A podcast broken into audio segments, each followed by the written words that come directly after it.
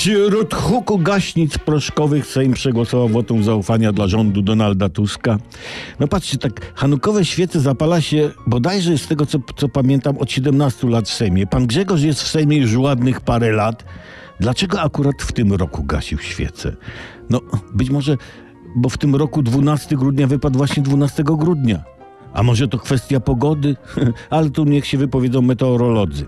Ale przeanalizujmy. Idzie Grześ przez wieś, znaczy Sejm, nie? A co momentami na jedno wychodzi, bo Sejm jest na wiejskiej.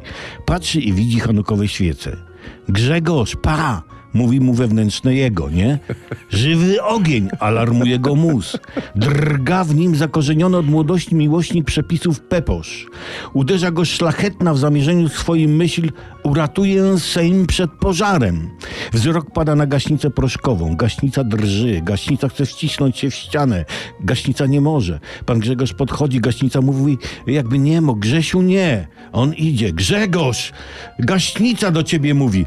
Nie, on podchodzi, gaśnica. Pośle Brown, apelują do lepszej strony pana immunitetu. Na nic. Grzegorz Peposz bierze ją i gasi.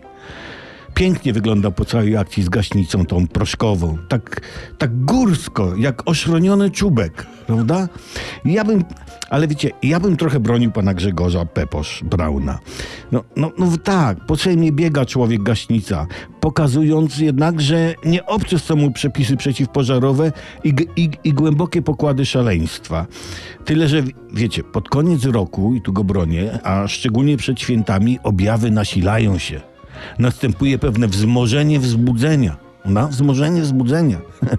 Chociaż u niektórych, jak widać, trwa to cały rok, no, z krótkimi przerwami na obłęd.